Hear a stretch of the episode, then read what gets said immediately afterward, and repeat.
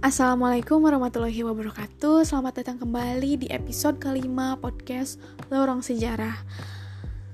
Pada kesempatan kali ini kita akan membahas mengenai perlawanan Goa.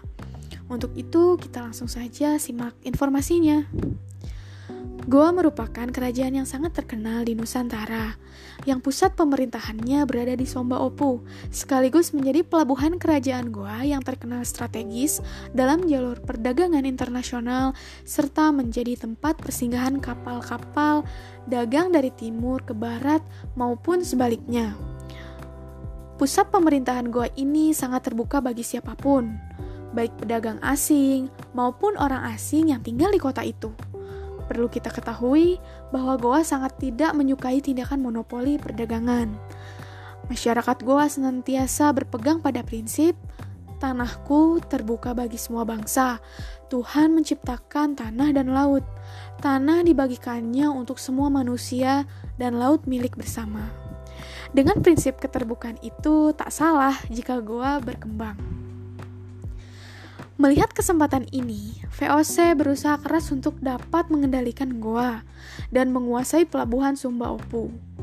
Pada tahun 1634, VOC melakukan tindakan blokade terhadap pelabuhan Somba.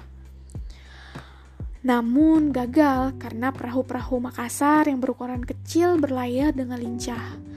Kapal-kapal VOC tetap saja merusak dan melengkap kapal-kapal pribumi maupun kapal-kapal asing lainnya. Tanggal 7 Juli 1667 meletuslah Perang Goa. Tentara VOC yang dipimpin oleh Cornelis Jansen Spelman diperkuat oleh pengikut Arupalaka dan ditambah orang Ambon di bawah pimpinan Jangker van Manipa. Kekuatan VOC ini menyerang pasukan Goa dari berbagai penjuru. Beberapa serangan VOC berhasil ditahan pasukan Hasanuddin. Tetapi dengan pasukan gabungan disertai peralatan senjata yang lebih lengkap, VOC berhasil mendesak pasukan Hasanuddin.